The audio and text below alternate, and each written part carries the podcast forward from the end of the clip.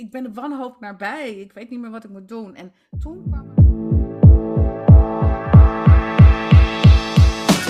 Hoi, ik ben Lieke. Ik ben Puk. En wij zijn samen eigenaar van Elvin. Het grootste financiële platform voor vrouwen in Nederland en België. Meld je gratis aan en ontmoet duizenden andere vrouwen. Zie de link naar het platform in de show notes. Ook kun je ons volgen op social media en vind je op onze website dagelijks interessante content. Nou, hallo allemaal weer, luisteraars. Uh, vandaag heb ik een hele speciale podcast, want ik spreek met Hanneke van Orna. En Hanneke die heeft al eens bij Elvin een masterclass gegeven. En dat was voor nou, de mensen die hierbij waren een eye-opener. Voor mij ook. We hebben enorm veel gekletst over geld daar in ieder geval. Uh, en ik ben super blij dat ze hier is, want we gaan het vandaag over het grote geldgeheim hebben. Of geheimen zelfs. Want dat is ook de titel van het nieuwe boek van Hanneke. Dus Hanneke, welkom hier. En ik heb natuurlijk meteen een eerste vraag voor jou. Waarom heb je deze titel gekozen? Ja, hi. Uh, fijn dat ik uh, in deze podcast uh, mag zijn. en mag praten over geld en geldgeheimen en, en ook mijn nieuwe boek. mijn nieuwe boek heet Geldgeheim. Mm, vind je weg naar financiële vrijheid. En waarom heet het geldgeheim? Um, ik heb zelf de weg afgelegd van leven in, in armoede naar eerst een leven in financiële onafhankelijkheid en naar financiële vrijheid.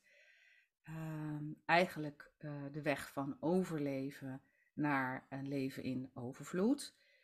Um, en dat uh, is natuurlijk niet gebeurd overnight, niet van de ene op andere dag. Uh, dat is een heel lang traject geweest met een heel veel obstakels en instinkers en valkuilen. Um, nou ja, die wil ik in ieder geval de lezer door, door dit boek besparen. Maar wat ik ook heb gemerkt is dat er heel veel geheimen zijn over geld. die bewust of onbewust of zelfs onderbewust voor ons verborgen blijven.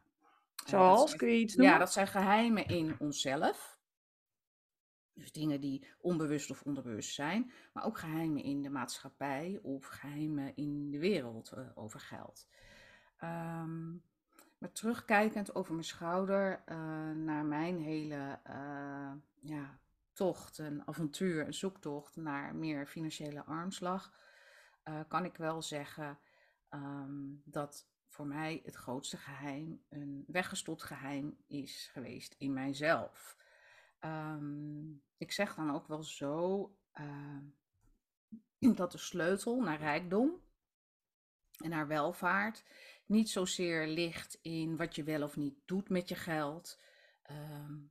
Ook niet zozeer in hoe je denkt over geld. Wel heel belangrijk en daar, daar heb ik het zeker ook over in het boek.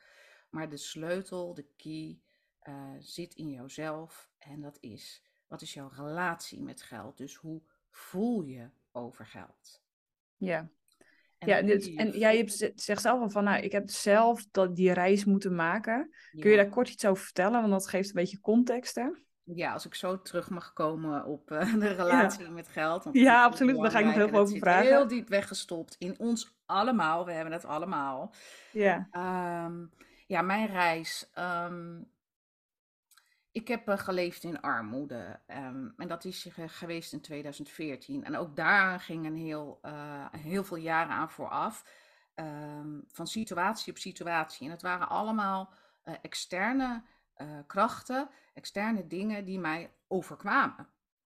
In 2008, dat is de vorige crisis, we zitten nu in een financiële crisis, maar de crisis hiervoor, wat ook de katalysator is geweest voor de, voor de huidige crisis, was de kredietcrisis. En ik had net uh, met een compagnon een, uh, een nieuw bedrijf uh, opgericht en was ik gestart, een onderneming. dat was een uitgeverij.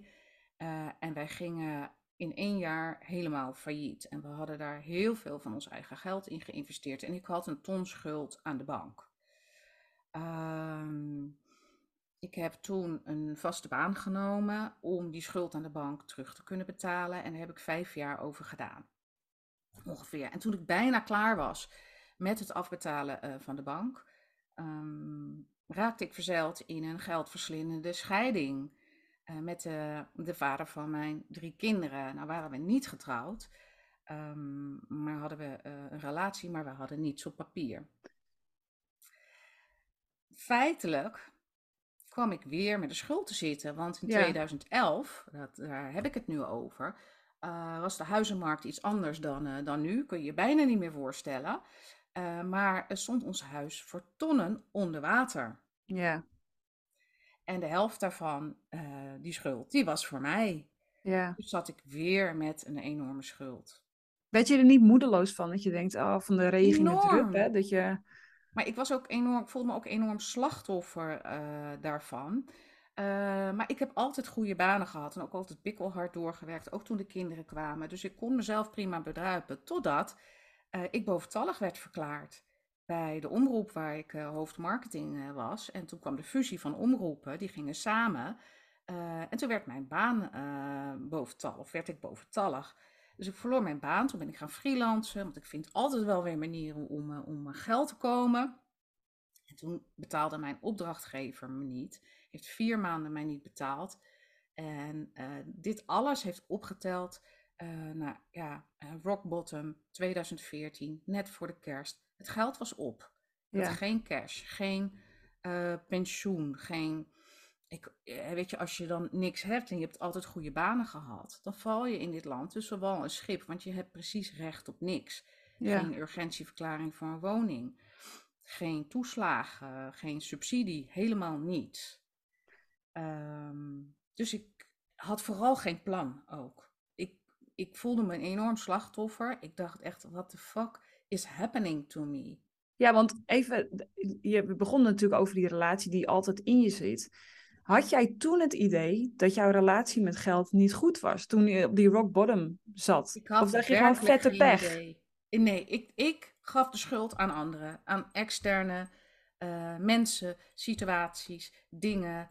Um, ja, dus en... die opdrachtgever die niet betaalde, de ex die uh, ja. het huis... Uh, Um, uh, misschien ook nog het kompion verleden, zeg maar. Met, Absoluut. Ja. Allemaal hun schuld. En ik dacht, hè, wat, wat heel veel mensen denken, van waarom overkomt mij dit? Ja, en wie kon mij redden? Denk ook heel veel en mensen. En wie kon mij redden? Dus ik uh, zat letterlijk echt, echt huilend. Het was niet ook gewoon huilen, het was echt van binnenuit, echt, echt, ja, bijna grunten, grommen. Van, ik ben de wanhoop nabij, ik weet niet meer wat ik moet doen. En toen kwam er een, een besef en een gevoel over mij, en echt letterlijk ook een stem van, there should be a better way. Dit is ja. niet het leven.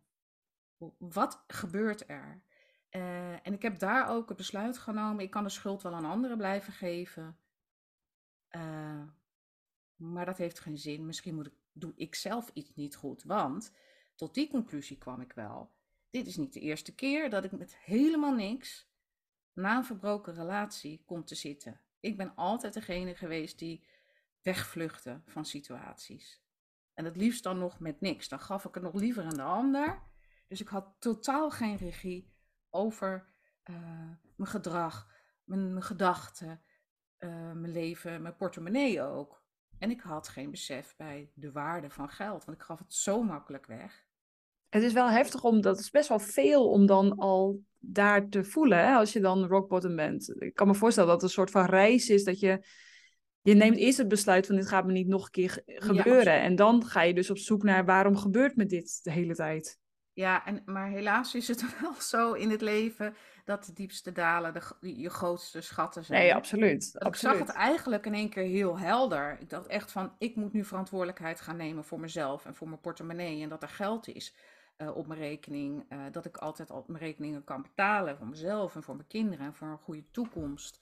Uh, en voor geluk en liefde en al dat soort dingen. Dus dat zag ik heel helder. Maar ja, dan is het nog hoe dan? Um, ja, ik ben dus heel goed gaan kijken naar en gaan voelen naar mijn, naar mijn eigen aandeel. Um, en ik ben gaan lezen. Uh, ik heb coaches in de arm genomen. Nou, denk je misschien, hoe kan dat dan? Je had helemaal geen geld. Maar uh, ja, via de huisarts liet ik me doorverwijzen naar bijvoorbeeld een fysiotherapeut. En die vroeg ik om de rekeningen uh, te zetten. Of, of naar een coach en die vroeg ik de rekeningen op fysiotherapie te zetten. Of zo. Oh ja, ja, was precies. daar wel, wel Je ja, hosselde zeg maar ik je... wasselde eh, mijn Ja. eigen persoonlijke ontwikkeling en Ja. financiële ontwikkeling bij elkaar. Ehm, eigenlijk, want ik had op dat moment dus ook geen inkomen. Eh, dat was voor mij wel het belangrijkste. Ehm, en het nemen van zo'n besluit, daar, eh, en daarna heb ik nog veel meer besluiten genomen, eh, innerlijke commitments met mezelf in mijn leven. Dat zet al zoveel in gang. Ja, Eh, dat is eigenlijk de eerste stap. Als je dingen anders wil naar verandering. Als je dingen anders wil, moet je dingen anders doen. Punt. ja. En het is een katalysator, hè? Dus dan, als je, ik zeg ook heel vaak, als je het eenmaal ziet, kun je het niet meer ontzien. Dat klopt. En als je het eenmaal voelt, dan kan je het niet, niet meer voelen. Nee, maar dan is het nog wel, hè? Want nu kun je achteraf, heb je, je hebt het boek, het gaat over de, heel veel over de relatie met geld. Ik vond het zelf, ik ben het nu dus aan het lezen. Ehm, ik vind dat dus wel leuk, omdat ik heel vaak eh, boeken over personal finance lees. En dat gaat over het praktische. Dus oké, dit Ja. kun je doen, dat kun je doen. En dan kun je zelf een beetje bedenken hoe en wat. Maar jij schrijft ook in je boek, je moet beginnen met het emotionele eigenlijk. En die confrontatie maken. En wat Ja. voor persoon wil je zijn? Ja.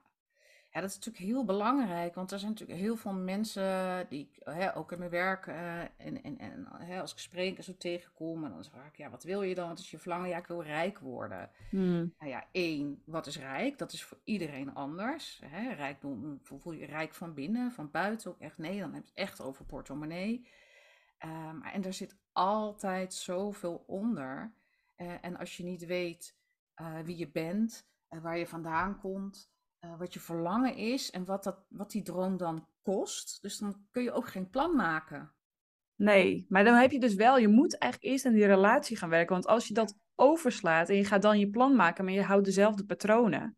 Absoluut. En ik zeg ook, als je dat niet opschoont, eh, stap 1 is het opschonen van je innerlijke shit. En dan, dan ga je ook nooit een goede belegger worden.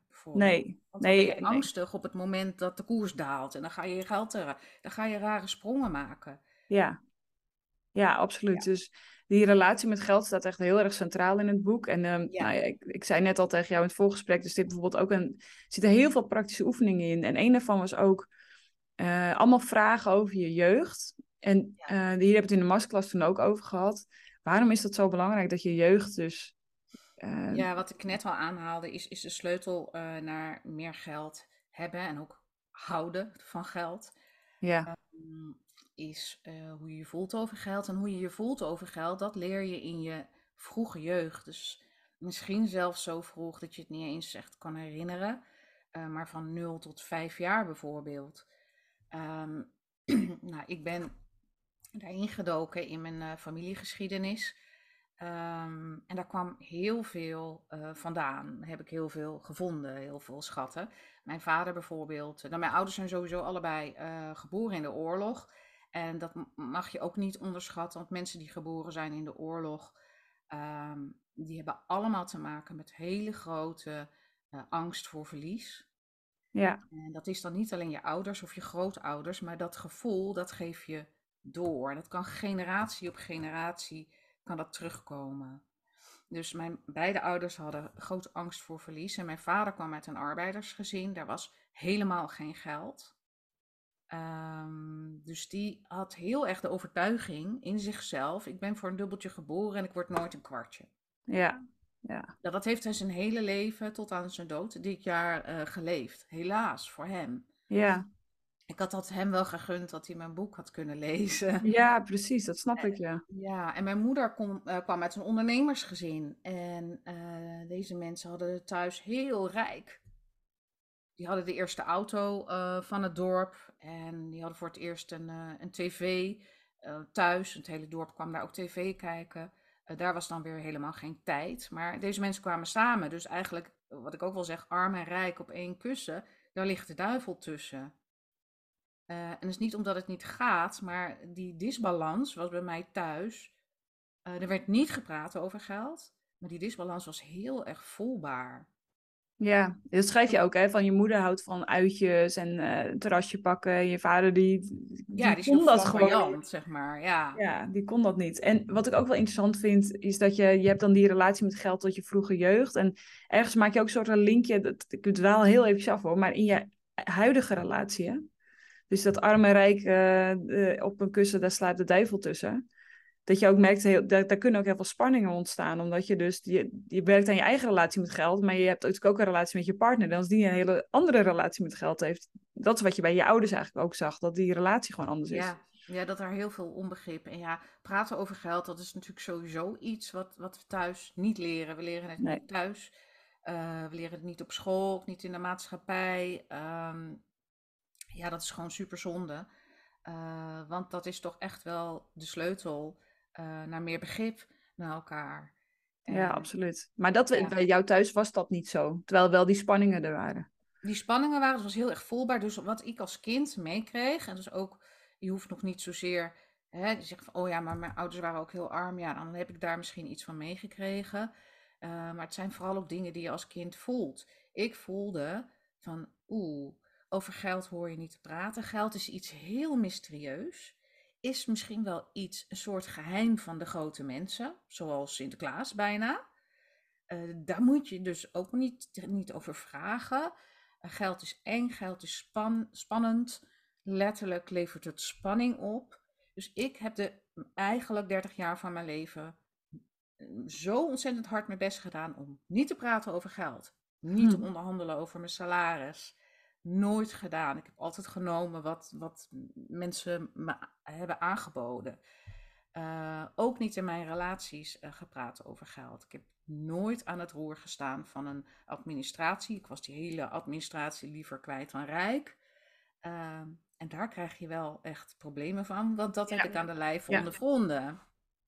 Ja, dus eigenlijk maak je continu dat brugje tussen wat je gedrag en je relaties met geld, naar hoe dat uitwerkt in de, zeg maar, de praktische kant van het hebben van geld. Ja, en wat ook een hele belangrijke is, en, ik, en ja, gaandeweg uh, kom ik erachter dat het ja, echt voor, ik denk wel voor 90% van de mensen geldt, is dat uh, ik heb meegekregen van mijn oorlogsouders, zeg maar, die oorlogskinderen waren, uh, dat je hard moet werken voor geld. Ja, ja het zit ook echt in onze cultuur, hè? Echt een beetje dat Calvinisme. Dus laten we alsjeblieft een beetje leiden voordat je kunt uh, floreren. Nou, dat, maar ook doe maar gewoon. En je hangt de vuile was niet buiten. Dus je moet hè, dat bevestigen. Nee, je moet er niet over praten. Um, doe maar gewoon dat Calvinisme. Dat, want je hebt overtuigingen uit je gezin, maar ook overtuigingen uit een land. Nou, dat is natuurlijk hier geen cent te veel. Ja. in Zeeland. Uh, je, je, geeft uh, geen geld uit als je nog je, je, koopt geen nieuwe schoenen als je nog oude schoenen hebt. En dat zit zo in onze cultuur. Maar hard werken, als je hard, ik kreeg altijd te horen, als je hard werkt voor de sport en voor school en voor je geld, dan heb je succes. Dus ik heb echt een heel groot deel van mijn leven gedacht, als ik nu maar hard werk, dan heb ik succes. En als ik succes heb en geld, dan krijg ik applaus. Dus ik ben met toch een partij hard gaan werken. En je hebt ook geld verdiend en uitgegeven als water. Ja, maar dat. Ja, ik, Hoeveel applaus kreeg je toen? Uh, heel weinig. Ja, want uiteindelijk ben je boventallig verklaard hè, uh, bij een baan waar je volgens mij ook wel heel hard hebt gewerkt. Ja, maar ik werkte daar heel hard om mijn schuld af te betalen. Dus ja, dan zit je energie er ook niet helemaal juist in, denk ik. Nee, inderdaad. Maar wel hard gewerkt. Maar daar krijg je niet per se applaus. Nee, ik was uh, echt, mijn, mijn middelname was uh, de fixer uh, en ehm, Hanneke productiviteit. Dus ik kon heel hard werken voor het succes van andere mensen. Ja. Ik heb altijd gedacht, ook omdat ik mezelf als kind heel klein maakte en heel geruisloos door de kamer bewoog. Want het moet vooral niet opvallen, want dan hebben mijn ouders al last van of zo. Um, ik ben de draad kwijt. ja, eh, nee, we hadden het over inderdaad. Uh... Oh nee, dat ik de fixer van alle... Dus ja. Ik altijd ja, dus... gedacht, ik ben een achtergrondpersoon. Ja. Ik ben heel goed achter de coulissen. Als er een probleem is, kom je naar mij. Ik fix het voor je en eh, helemaal goed. Ik kan me bijna niet voorstellen, want ik ken jou natuurlijk alleen van, Ja, van nu. En dan denk ik, mm, helemaal niet. nee. En als ik terug ga, denk ik, ja, als klein meisje toen ik op mijn kamer zat, dan schreef ik dagboeken vol met hoe groots leven ik wel niet leefde. Oh ja, oh, dat is wel interessant. Ja. Ik had ja. wilde fantasieën dat ik de wereld over ging. En, eh, maar ja, ook dat, die grootsheid, eh, waar, waar we het zeker nog over gaan hebben, dat wordt gewoon afgestraft. En zeker als vrouw in het leven. Ik ja, ja, absoluut. het eerste sollicitatiegesprek weet ik nog. Ik kwam bij een reclamebureau. eh, en die vroegen aan mij, en dat was onderdeel van een test. Van, eh, zie je jezelf op de, op de cover van de adformatie? En de ad- ik heb communicatiewetenschappen gestudeerd en psychologie. En adformatie is het blad van het reclameblad. En dat lag thuis ook altijd bij mijn ouders. Dus ik echt, ja, zeker. Dat is mijn doel. Ja, ik, ik zie mezelf absoluut op de cover van de adformatie. Nou, ik had de baan niet gekregen. Te En dat was de reden. Nou ja, dat... nou, ik merk het zelf. Ik herken dit enorm ook. En ik struggle daar soms ook nog wel eens mee, hoor. Omdat een soort van, je hebt... Ik was laatst bij een eh, start-up dag, dus met allemaal start-ups. En dan ging het over eh, ook hoeveel... eh, ja, waren ook alleen maar mannen overigens. was echt supergoed programma. En ze hadden ook wel gewoon echt goede sprekers. Maar er waren bijna alleen maar mannen. En toen ging het ook over hoeveel tijd moet je zeg maar, in je start-up steken als eh, founder. En toen vroeg een vrouw van, what about work-life balance? Van, hoe, hoe zien jullie dat? Toen zeiden, nou, dat bestaat gewoon niet. Je moet gewoon echt meer dan fulltime werken. Ehm, even daar waarom, hè? De- de- Ja. want het gaat om resultaat, maar goed. En toen dacht ik bij mezelf ook, als vrouw is dat een heel andere dimensie dan wanneer je als man daar tegenover staat. Want Absoluut. als ik nu zou zeggen, ik ga 80 uur in de week werken, dan krijg ik een soort van culturele schuldgevoel op mij geschoven. Van wie denk je wel niet dat je bent, dat jij dit kan laten slagen? Dan zie je je kinderen niet meer. Je man is zo zielig, want die is alleen. Dan moet hij ook nog eten koken. Allemaal van dat soort eh, oordelen krijg je zeg maar automatisch bij. Dus je mag wel, ze zeggen vrouwen moeten stoer zijn, maar niet te. Weet je wel? Nee, nee. Hmm. In dit land mag je als vrouw niet zeggen dat je rijk of rijker wil worden. Nee, want En ook niet dat je rete ambitieus bent. Nee, want dan ben je ook een beetje een bitch. Hè? Want dan, en moet je je anders gaan gedragen of zo. En dan, maar ik vind dat er wel een leuke uitdaging om dus te zeggen... wat als we de status quo willen veranderen, wat, wat betekent dat dan? Maar dat is een heel andere discussie. Maar ik, Heel andere discussie, maar dat is, eh, ja, dat is wel een discussie van mijn hart. Ja, hè? Ja, Ja. absoluut. Ik eh, noem mezelf ook wel ehm, financial feminist. En dan vind ik feminisme ook, dat klinkt ook al een beetje van Ja. ik heb geitenwolle sokken aan en ik sta op een kissie. ja het klinkt een soort van eh, on- ongezellig als je Ja, feminist het klinkt een bent. beetje ongezellig, maar Ja. eh, dat mag er ook wel af. Want als je een feminist bent, dan, dan, dan sta je in de kracht van je goddelijke vrouw zijn. Ja. En ik zou dat zo iedereen gunnen. Ja, en ik merk dus, maar andersom, hè, dus mijn man krijgt dus dezelfde vooroordelen. Maar dan andersom. Dus als ik zeg dat ik een financial feminist ben, dan denk ik, net, kijk, ze nemen zich al arme vent. Ja. Een. Je hebt een kenau thuis die de broek aan heeft. Ja, en wat helemaal niet zo is per se, want we hebben, we hebben allebei gebieden waar we zo gewoon goed in zijn. En, wat, en je moet ook leren dat iemand anders soms beter is in iets anders, dat je denkt, nou, neem daar lekker de leiding in en dan dat werkt voor ons. Ja. Maar dan zegt ze, ah, moet je dan zelf je overhemden strijken? Laatst stond hij dus te strijken en dan komt er een vriend binnen die zegt, oh, strijk jij zelf je overhemden? Ik zeg, ik sta er gewoon naast, hè. Ik zeg, waarom zou ik dat doen? En eh Wiege, mijn man, dat die zegt, niet. Dat- Ja, maar die- neem maar die-. Ja. die zou er niet eens over nadenken om dat aan mij te vragen. Want hij denkt, ja, ik regel mijn eigen shit. Dus hij is, ik vind hem zeg maar juist veel mannelijker. Omdat hij accepteert dat ik ook een sterke persoonlijkheid ben. En hij hoeft mij niet te domineren en ik hoef hem niet te domineren. Nee. Dus dat maakt hem, dat vind ik dus reuze aantrekkelijk. Maar goed. Ik, eh, nou, een heel ander verhaal. Ineens, Ja, het is heel van maak echt een sidestep. Maar dat maakt niet uit, want ja, dat is wel, dat is natuurlijk wel feit. Ik heb dit boek geschreven en het is best een, eh, best een dik boek, toch? Ja, maar niet. ehm, omdat er heel veel voorbeelden in staan, vind ik het dus heel leuk om te lezen. Omdat je ook. eh, soms vergeet je, als je dus die kracht al hebt ontdekt, dat mensen er anders naar kijken. Dus ik vind het heel verhelderend om dus voorbeelden te lezen die jij in het boek hebt van mensen die je spreekt over. Dat zij, zij huishoudgeld krijgt, of dat het geld eruit gaat als water en dat ze het niet weet. Of dat hij. Nou, ik weet niet alle voorbeelden meer, maar dat ik denk: oh ja, dit, dit is natuurlijk wel de realiteit voor heel veel mensen. Ja, dat klopt. Maar wat ik wilde zeggen is dat ja, geld is zo'n fascinerend onderwerp. Ja, Het raakt ons allemaal eh, iedere dag ehm, in werk, in, in, in maatschappelijke verhoudingen, die natuurlijk allemaal op scherp staan op dit moment. Eh, ja, hè, we, we hebben te maken, we gaan ook te maken krijgen met veel grotere armoede. eh, ja, ja, geld raakt alle issues van de wereld. Ehm, en het gaat uiteindelijk natuurlijk helemaal niet om geld. Het gaat om het gevoel van vrijheid. en Wat je wat met het geld kan doen. Of eh, de vervulling eh, die je voelt als je je salaris eh, op, je, op je rekening krijgt. Waar je voor gewerkt hebt. Ehm, ja, het, gaat over zo, het raakt zoveel meer. En, daar, en dat is dus ook het gekke daaraan, omdat het alle dagen in ons leven zit, dat we er veel te weinig aandacht aan besteden. Ja, daar ben ik eh, helemaal met je eens. En, eh, en we leren dit niet op zich. Dit staat niet in een economieboek. En het is geen curriculum op een basisschool. En eh, alle prima, fijne, goede initia- initiatieven van de overheid en spijt gaat het nog steeds over de dingen waar het eigenlijk niet over hoort te gaan. Nee. Ehm, dus daar is nog werk te doen. Maar daar zit het geldgeheim en dus het is misschien wel eh, een soort van ehm, verwachting ook, dat dit boek koop je niet voor een beurstips of eh, als je daar 1 euro in stopt, wordt het vanzelf Ik ga een het miljoen. niet over beleggen. Dan Nee. stipt het wel aan, want dat is een Ja. van de manieren om meer geld te hebben. Ehm, maar er zijn meerdere manieren. Nee, en het, en het gaat veel meer over. Want eh, wij zeggen ook altijd: als je geen duizend euro kunt managen, kun je ook geen miljoen euro managen. Het gaat over: kun jij het aantrekken, kun je het houden.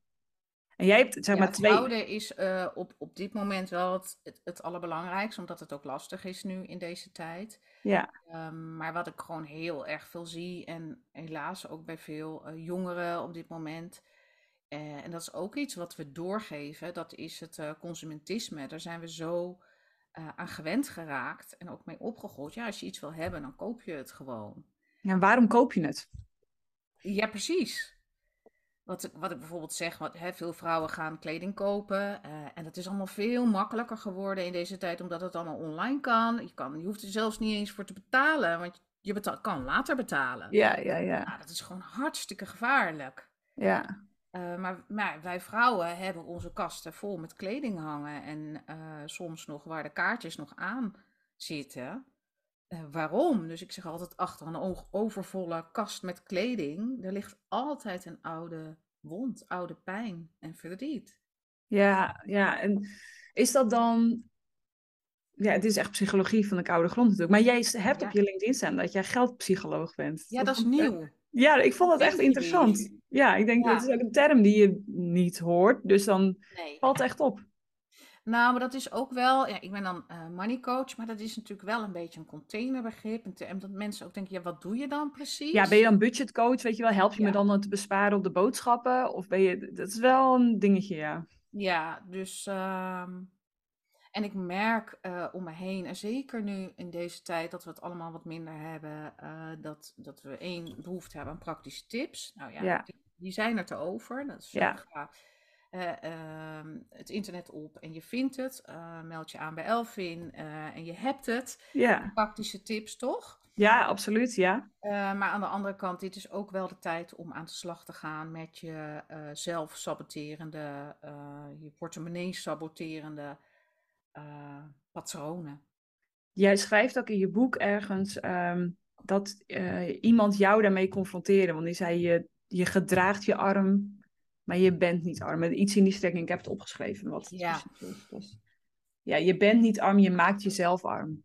Ja, Wat bedoel je daarmee? Of wat bedoelde zij daarmee? Want nu heb jij er een interpretatie aan gegeven natuurlijk. als je. dat, dat heb ik heel erg ervaren. Als je jezelf niet genoeg vindt, dan ben je bang dat je niet genoeg hebt. Als je jezelf niet van waarde acht, eh, je, hebt wat lage eigenwaarde. Eh, daar hebben wij vrouwen allemaal wel een beetje last van, om onszelf weg te cijferen. Of eh, wat kan ik nou? Wie, wie ben ik? Er zijn al zoveel coaches. En, en dan nog, moet ik dat dan nog doen? En hè, van die stemmetjes Oh ja, in je hoofd ja. die jezelf heel klein houden. Ja, wat is mijn eigenwaarde? heeft direct een relatie met de waarde in je portemonnee. Ja. Dus het is Ik- ja. hetzelfde met, ehm, je bent niet alleen, je maakt jezelf alleen. Ja, Als je gaat denken, ik ben arm, dan gedraag je een je ook aan. dubbeltje, Ja, en ik word nooit een kwartje, dan ga je dat kwartje ook niet worden. nee. En dat is dus ook het lastige, omdat dat, dat is iets wat in jezelf moet gebeuren. Wat niet, Ja. Dat, daar heb je gewoon meer werk in je hoofd voor nodig dan dat je zeg maar een buitenrondje gaat Nou, rennen. eigenlijk niet eens in je hoofd, hè? In, in, in je buik, in je gut, Ja, in ja. je gevoel. En daarom is het zo een, een goede manier om hierbij te komen. Want ik kom echt veel mensen tegen die zeggen: Ja, leuk dat je dat zegt, Hanneke, maar in mijn gevoel, eh, ik voel niks. Of hoe doe je dat dan? Ja, Om die lijsten eh, door te gaan nemen van hoe zat het bij mijn ouders. Want wat jij bent, dat, dat komt gewoon hè, voor 50% van je vader en 50% van je moeder of je opvoeder. Ehm, begin daar eens mee. En je zult zien en je gaat heel veel dingen dan herkennen van, oh, dat is, dat is helemaal niet van mij. Het is, Ja. Ik doe het, ik voel me zo, maar ik heb dat gekregen. ja, En schoon het op nu, ga daar naartoe, want anders geef je het door aan je kinderen. ja, Want armoede, maar ook rijkdom, is erfelijk. ja, dat is wel. Ik denk dat dat, dat is echt een, ehm, een soort van eye-opener geweest in mijn eigen reis ook. Om daar ook, maar ook met een soort van zachte blik naar mijn ouders te kijken. Te zeggen, Ja. ze hebben gedaan wat ze konden, hè, dus geen verwijt. Want dat vind ik Ja. wel zelf dat belangrijk om te zeggen, want ik ben echt gek op mijn ouders. Ja. Maar het heeft me niet gediend, de patronen die zij mij hebben doorgegeven. En, ehm, eh, en op het moment dat je dat dus ziet, dan kun je het niet meer ontzien. Van, oh ja, nee, dit is niet van bij mij eh, vandaan. Je creëert ook zelf nog patronen hoor, daarbovenop. Dus ehm, uit relaties of hoe dan ook. Maar dat stuk, je wil eigenlijk doorgeven dat je van waarde bent in plaats van eh, soort, dat het eindig is. Dat geld op kan raken of dat het niet, niet goed voor je is. Het is, het is er altijd. Maar Het is er altijd. En sterker nog, eh, zeker nu, elke crisis is een enorme kans. Ik zie om me heen alleen maar kansen. ja, Heel veel geld te hebben. Ehm, dat is ook weer even een eh ander onderwerp. ja. ja, Ja, ik heb dat zelf dus ook. Ehm, ik had toevallig hebben we hiervoor een podcast opgenomen over financiële onrust. Van wat doe je dan? En ik zeg, nou, voor mij zijn het dus nooit de praktische tips. Want dat is een uitvloeisel van waar ik dus. Is er iets waar ik onrustig over voel en eh, wil ik dat oplossen? Dan ga ik praktische dingen doen. Maar het gaat meer over hoe voel ik mezelf hierbij. En ik ben er dus van overtuigd. En dit is iets wat niet alleen in deze crisis gaat komen, maar gewoon de rest van ons leven. Dat we veel moeten kijken naar waarde. Dus als de samenleving verandert, en die gaat veranderen, dus Ja. er gaan, worden andere dingen van ons gevraagd op het werk, van, om, in je omgeving of wat dan ook. Ben jij in staat om die switch te maken in je hoofd, dat je dus niet gaat denken van, ja, maar ik heb dit altijd gedaan en dat was heel goed en waarom werkt het niet meer? Ja. Of denkt- wa- wat kan ik eigenlijk Ja. nog? Hoe moet ik dan? hè, Ja. Dus dan schiet je in die kramp. Ja, dus wat, Logisch. wat heb jij, wat waarde? Dus ik zeg, als het erop neerkomt dat er bijvoorbeeld geen monetair systeem meer is en we weer terug moeten gaan naar het ruilen van voedsel aan elkaar, dan word ik gewoon een supergoeie boer.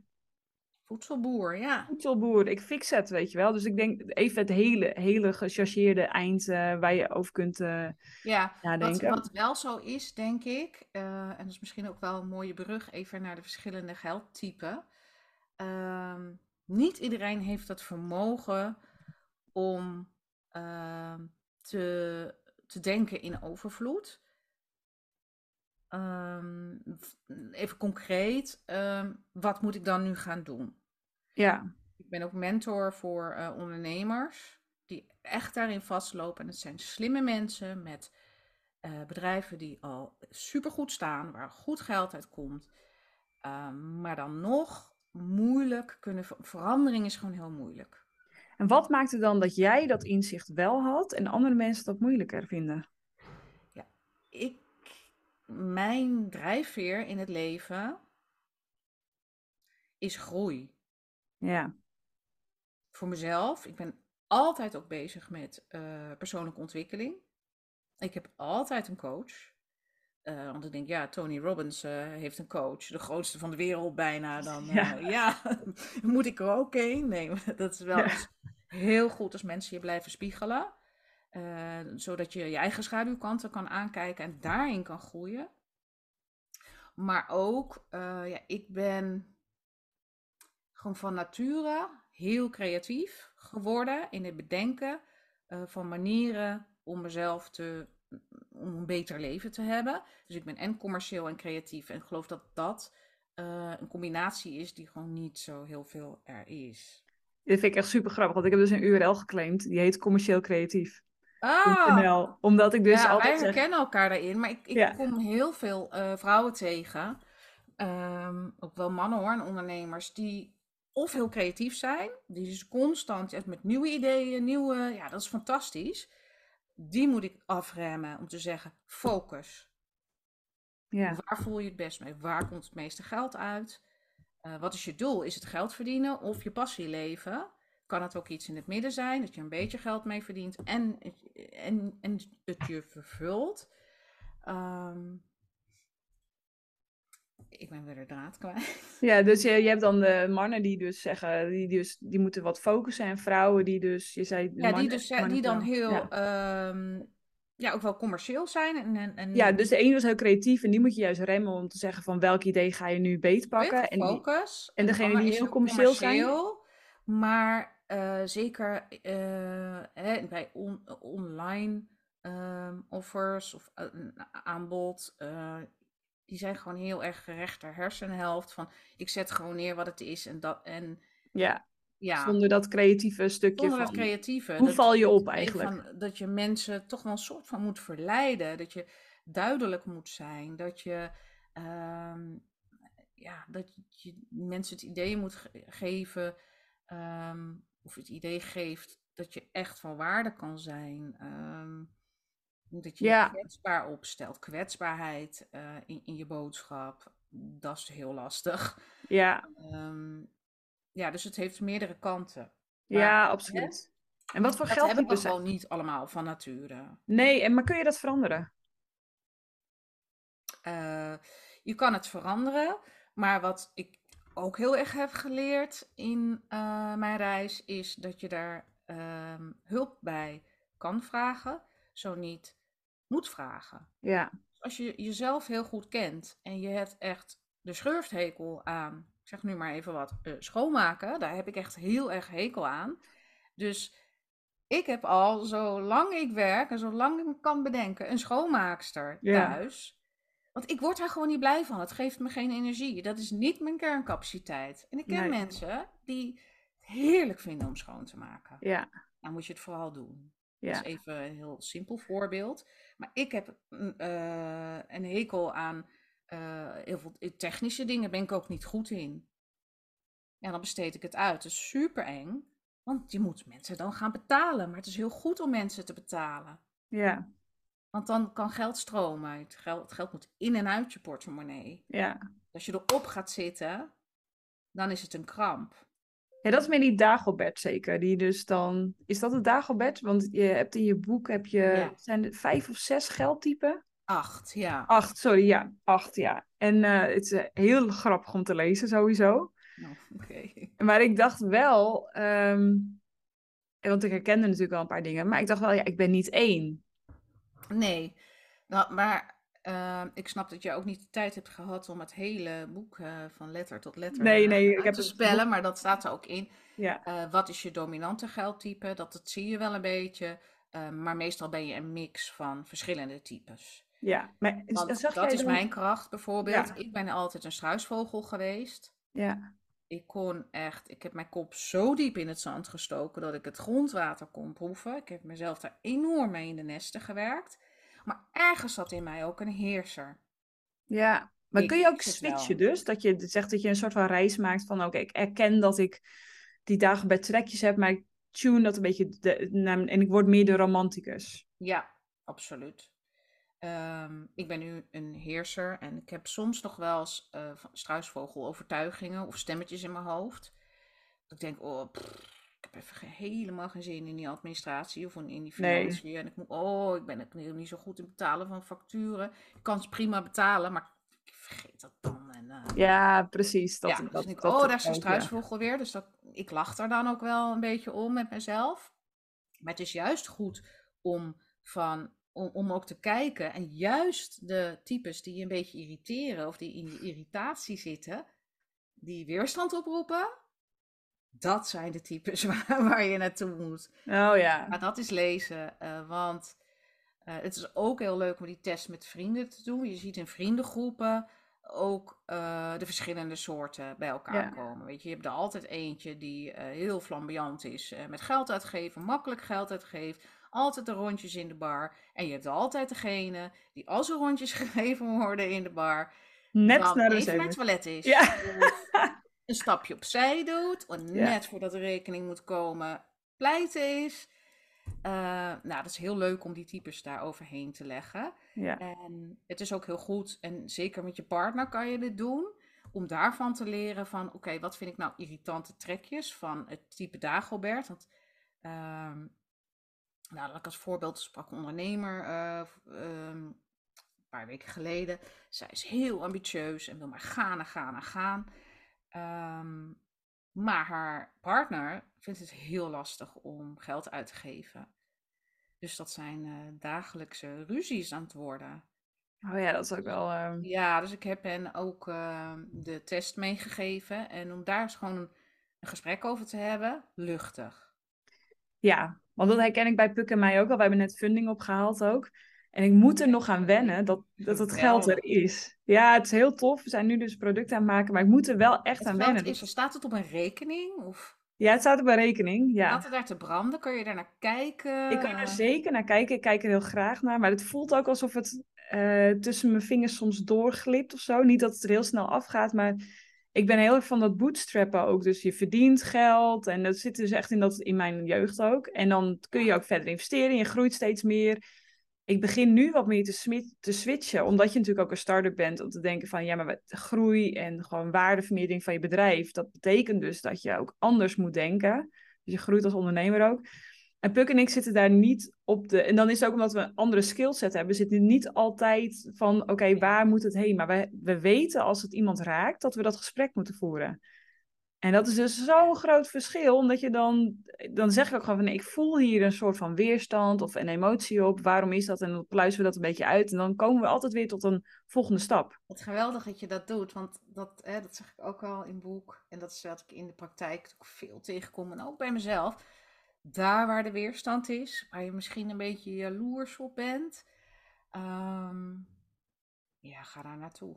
Daar zit de groei ook, hè? Dus daar zit jouw groei. Ja, Daar dus zit daarom- waar, je, waar je naartoe eh, gaat. Weet je, als jij weerstand hebt tegen rijke mensen bijvoorbeeld, of als Ja, mensen het ja. laten hangen en laten zien, dat heb ik best wel gehad. Dus ik dacht, nou, is dat nou nodig om met die speedboot hier eh, van de ton hier voor mijn deur te gaan eh racen over het water?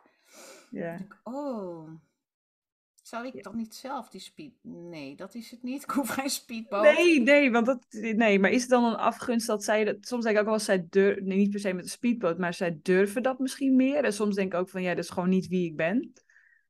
Nee, precies. Maar dat, dat dan even eh, te onderzoeken bij jezelf, waar zit dat in? Ja, en het, het is wel een ongoing proces, hè. Dus het is voor mij ook net als jij een reis, maar ik ben, ik ben daar ook niet met alles. Ik kan ook enorm struisvogelen. Ik denk, oh, ik heb helemaal geen zin om die administratie te doen. Je bent er, eh, nou ja, ik wil je niet, jullie niet ontmoedigen. Je bent er nooit. Nee, maar ik vind dat dus een heel fijn idee, want anders is het soort van klaar. Maar ik denk, er is altijd nog wel iets om aan te werken. Dus dat voelt voor mij, dan is het ook oké als het nog niet af is, want het is nooit af. Ja, maar dat is het leven. Het leven is één grote reis. Het gaat niet over de eindbestemming, want je weet Nee. toch niet wat het eind is. Nee, Is dat je het leven in het nu ten volle leeft. ja. Klinkt als een romanticus als je dat zegt. Dat ben ik ook. Ja, die heb, ik, die heb ik zelf ook. hey, ik Ja. heb nog een laatste eh, ding, wat ik, daar, moeten we het gewoon over hebben. Oh jee. De geldmythes. Ja. Vertel eens over de geldmythes. Ik Waarom- even mijn boek erbij pakken. Nee. Ja, precies. Het zijn er vijf. Het zijn er vijf. Er zijn wel veel meer geldmythes. ehm, maar ik heb deze ehm, gekozen. Ik zal ze anders even oplezen zonder daar nu helemaal in te gaan. De vijf grootste geld, eh, grootste money myths. Eh, dat allitereerde lekker. Eh, een huis kopen is beter dan een huis huren. Ja. Dat zei je ook in de masterclass al, hè? Ja, dat is één. Je moet rijk zijn om te investeren. Ja. Nou, dat is Dat niet is zo. twee. Dat is niet zo.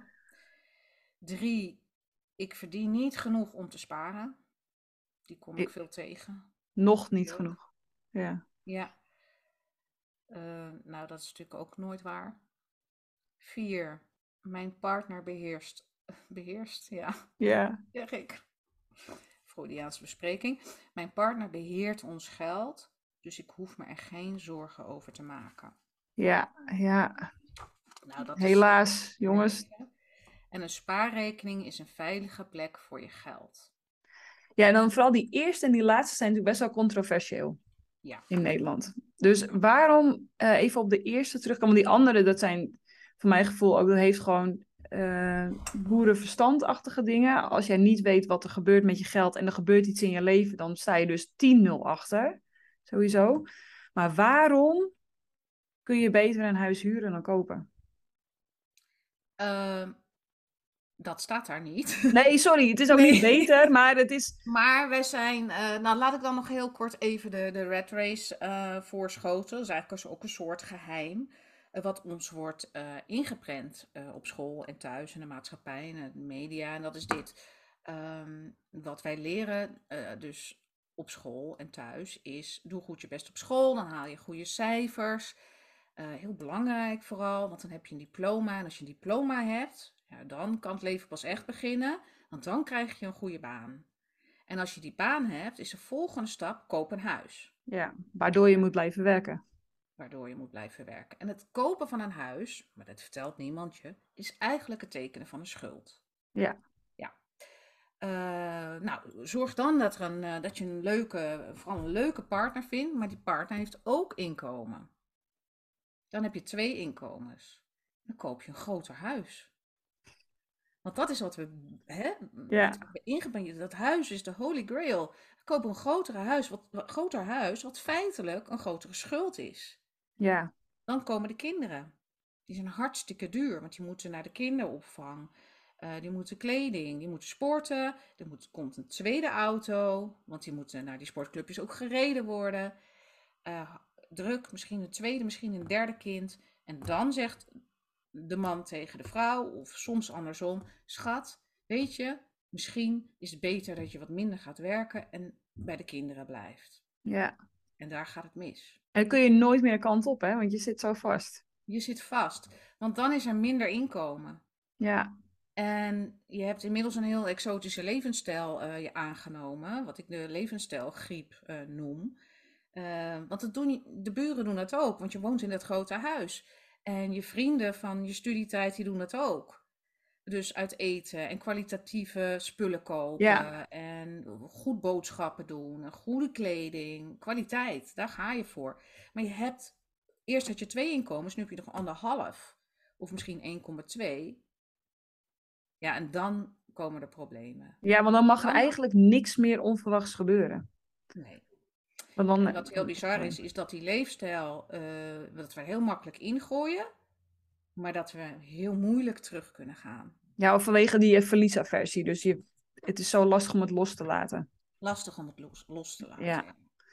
Ja. ja. Dus ik, ik zei En het zo heel kan het dus zijn dat mensen, en dat is nu heel erg aan de hand, die wonen in hele grote huizen en twee auto's op de opleiding hebben en misschien wel een bureau en een boot en een steiger en dat die eigenlijk heel arm zijn. Nou, en dat is ook, want we hadden het over die speedboot, maar dat is dus precies de reden dat ik nu denk van het is allemaal, ik weet niet wat daarachter zit. Het kan best zijn dat jij dus elke week 80 uur moet werken om te zorgen dat die boot daar ligt waar je geen tijd voor hebt om te het varen. Ja. En ik ga dan op mijn fietsje daar voorbij en denk ik, maar ik voel me eigenlijk best wel oké met niet Zo hebben van die boot. zo, ja. ja. Maar goed, ik zei heel gechargeerd, het is niet per se beter, maar wat je eigenlijk probeert te zeggen is, je hebt dan meer vrijheid als je huurt. In plaats van dat je wilt kopen, wat nu natuurlijk gebeurt, is dat de prijzen super hoog zijn, de rente Ja. gaat ook omhoog. Een, een huis heeft in het verleden, ehm, is het gewoon natuurlijk heel erg aan waarde gestegen. Ja, niet Ja. altijd. Niet altijd, maar Nee. vaak wel, is best een hele goede investering geweest. Een huis kopen om zelf in te wonen is op zich niet de beste investering. Een huis kopen om te verhuren, ja. Ja. Ja, en het kost ook geld om een huis te hebben. En dat vergeten sommige mensen ook nog wel. Want je betaalt de rente, je betaalt de WOZ en je Dus ehm, het is ook wat geeft jou rust, hè? wat past bij jou? Als je dat soort uh, vragen, maar realiseer je dat het niet de heilige graal hoeft te zijn om het hoeft te zijn. Er zijn andere routes. En gelukkig praten hè, jij en ik en steeds meer mensen hierover. Maar wat ik ervaar bijvoorbeeld met mensen die huren, dat er echt nog wel een soort van huurschaamte is. Schaamte, ja. Ja, terwijl dat echt. Ik, ik kan, ja. nee, ik, ja, ik, ja, ik huur dus nu, want ik kan geen huis kopen. Dan denk ik echt, meid of, uh, of guy, doe ja, je doet het hartstikke goed. Ja, zeker met die prijzen nu, hè, wat je dan eh, max kan lenen, je moet eigen geld inbrengen, dan is het ook wel, ga je dat commitment aan met alle kosten die er nog bij komen. Kijk, ik woon in een koophuis in, een, in 2016 gekocht. Ik lag natuurlijk in mijn vuistje een beetje. Heel, echt, ik ben super uh, privileged dat ik dit heb kunnen doen. Um, maar voor mij is dit ook de plek waar ik eigenlijk dood wil gaan. Dus dit was gewoon emotioneel een heel groot commitment voor mij. Nee, dat heb je goed gedaan. Maar ja, die vlieger gaat nu niet meer op. Nee, dus ik, ik, uh, ik ben uit die leefstijlinflatie gestapt door te zeggen: wat is de plek waar ik wil wonen? En dat, daar wil ik bepaalde vrijheid in voelen. Punt. En dus niet denken van: oké, ik kan meer betalen, het moet de volgende worden of ik moet een tweede auto kopen. Dus wij hebben ook één hele lelijke auto, een oude auto. En niet om daar trots op te zijn, maar ik geef niks om auto's. Nee. Ja, nee, ik heb daar echt een. Dat, dat noem ik ook gewoon de mind switch. Ja. Uh, ik heb daar zelf ook een switch in moeten maken. Want ik woon hier in Amsterdam. ik kan hier niks kopen. Ik woon met drie kinderen, grote, grote kinderen die ruimte nodig hebben. Uh, niet dat we hier heel veel ruimte hebben, want het is gewoon een huurhuis van, van 110 vierkante meter. Uh, maar ik, had, ik vond het nog wel leuk om een leuke auto te hebben, bijvoorbeeld. ja. Nu denk ik, ja, een auto hier in Amsterdam. Ja, ge oh. gebruik je hem? Ik, ik hoef het niet meer, al die spullen. Ik heb alles in mijn leven waar ik super gelukkig mee ben. Ja, en dat, ik ben nu ook aan het consuminderen heel extreem, omdat ik dus dacht, ik voel een bepaalde onrust in dit huis, terwijl het alle plekken heeft waar ik me fijn voel, maar toch is er onrust. Dus ik ben als een gek nu spullen aan het weggooien en ik schrik dus van de hoeveelheid spullen die wij hebben. Ja, uh, maar de, de rest van het gezin is daar nog niet helemaal mee on board. Maar ik, ik denk, wat heb ik nodig? Ik heb niet twee serviezen nodig. Ik heb niet, Wat heb ik nodig? Dat is een hele, hele belangrijke, essentiële vraag. Maar even terug naar die kopen, huur. Eigenlijk is dat de vraag die je beantwoordt. Wat heb je nodig? Een dak boven je hoofd. Ja. Punt.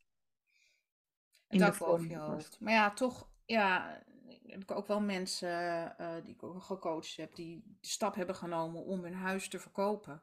Nu zelf zijn gaan huren en dus minder kosten maken ja. dan voorheen. En een groot bedrag op hun rekening hebben om het leven van hun dromen te gaan leven. Dit zijn jonge mensen. Uh, om te gaan investeren in een bedrijf, in een passie. Uh, ja, gewoon het geen spijt hebben. Hè? Dus van. Uh, Leef nee, dus je hebt er maar één gewoon. Ja, daarom vond ik het dus. Het is niet de heilige graal van het mooiste. Want ik denk ook altijd, als je een groter huis koopt, moet je ook meer schoonmaken. Ik heb er ook een schurfthekel aan. En die, die ruimte, ik heb dus ook een schoonmaakster, maar die ruimte heb je niet nodig om gelukkig te worden. Je wordt niet gelukkiger in dat huis. Dan... Ik heb in uh, echt in miljoenen woningen gewoond. Met stijgers en boten en een huis op Ibiza. En, uh... Ja. Maar we, ja, niet gelukkig. Je kreeg, kreeg je er applaus voor, hè? Dat zei je al, hard werken, dingen laten zien. Kreeg je er applaus voor? Nee, dat was natuurlijk de grap. Ja. Ik had dat zelf bedacht. In mijn, dat is mijn overtuiging geworden. Ja, precies. Het is allemaal niet echt. Show it off, ja. Uh, ja. Hard werken en dan kan ik dit en kopen en dan word ik heel blij. Maar ik was eigenlijk alleen maar mijn gevoel van waardeloosheid aan het stuffen, die put, met spullen. Ja. En waar je een soort instant geluk van krijgt, twee seconden. En dan is het voorbij. Maar dan moet je jezelf goed kennen. Aha. Ja. Nou, even die laatste mythe nog. Ja. Dus die spaarrekening. Want we zouden een half uurtje opnemen. We zitten bijna op het uur. Oh jee. ja, die stoppen nooit, hè, praten over geld. Nee, precies. Het is mijn leukste hobby. Dus ik, uh... Ja, voor mij ook. Ja. Ja, de spaarrekening is een veilige plek voor je geld. Nou, hebben jullie vast allemaal wel meer gehoord dat je tegenwoordig uh, je spaargeld maar beter niet op de bank kan laten staan. Omdat we onder invloed van uh, negatieve rente, inflatie en ook belastingen, dat het geld daar minder waard wordt. Uh, maar dat is heel verstandelijk als ik dat tegen mensen zeg. Nou ja, dat begrijp je meteen als ik dat zeg. Ja. Maar wij zijn er zo mee opgegroeid. Dat sparen is een deugd. Ja, ook vanwege de context, denk ik. Want mijn ouders hadden een, een rentepercentage volgens mij van 11% of zo. Dus het geld werd ook meer. Ja, hun hypotheekrente was natuurlijk ook heel hoog. Dus Ja. zij hadden gewoon, het moet, het moet, we moeten geld binnenhalen om die schuld af te lossen en te laten ja, maar dat was ook- marineren. dat is jaren, decennia lang is dat een fantastische manier ge- geweest om je Ja, te laten groeien. Je hoeft het gewoon maar op de bank te laten staan. Dat was je beleggingsrekening. Ja, je ging niet beleggen omdat je spaarrekening Je meer hoefde niet te rendement... beleggen. Daarom Nee, is beleggen nu zo in zwang, want je moet alternatieven voor de bank weten te vinden. Ja, dus dit Maar is... je- toch, eh, ja, ik, dat zit zo in ons eh, collectieve geheugen. ja, maar het heeft wel een plek, hè? Gewoon cashgeld hebben. Wat je bij je bij kunt. Gewoon in je, in je leven heeft wel... Ik zou niet zeggen dat je 0 euro op je spaarrekening moet hebben. Je moet wel bedenken van wat, Ja, wat nee, is die, absoluut. die Ja, spaarpot. Hè? Dus eh wasmachinestuk, autostuk, Zeker. eh, gedoe. Ik moet erbij Je kunnen. hebt een safety net nodig. Maar ook daarvan zeg ik, eh, nou dat kun je ook op de bufferberekenaar eh op Ja. Nibud eh, kijken. Wat heb je nodig? Overigens zegt het Nibud, is 50% te veel wat mij betreft. Ja, daar, daar hebben wij het al eens over gehad. Dat het- daar zitten wij allebei op een ander bedrag inderdaad. Ja. Ja. Ehm, maar ja, je, je hebt als buffer geen 50.000 euro nodig. Nee, en dan... Maar als dat voor jou goed voelt, dan doe je dat. Ja, Eh, maar ik ken ook mensen die een buffer van een ton lekker vinden voelen. Ja, nou, dat, dat, je hebt dat nooit nodig. Van Nee, maar dan moet je dus graven waarom. Wat is dan je grootste angst eigenlijk? Want eh, meestal is de angst dus dat je bijvoorbeeld uit je huis moet en dat je je vaste lasten niet kunt betalen.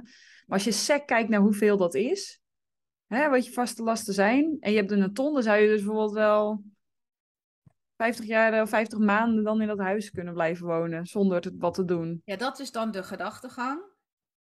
En op, voor het gemak wordt er dan vergeten dat die ton over 15 jaar onder Minder waard is.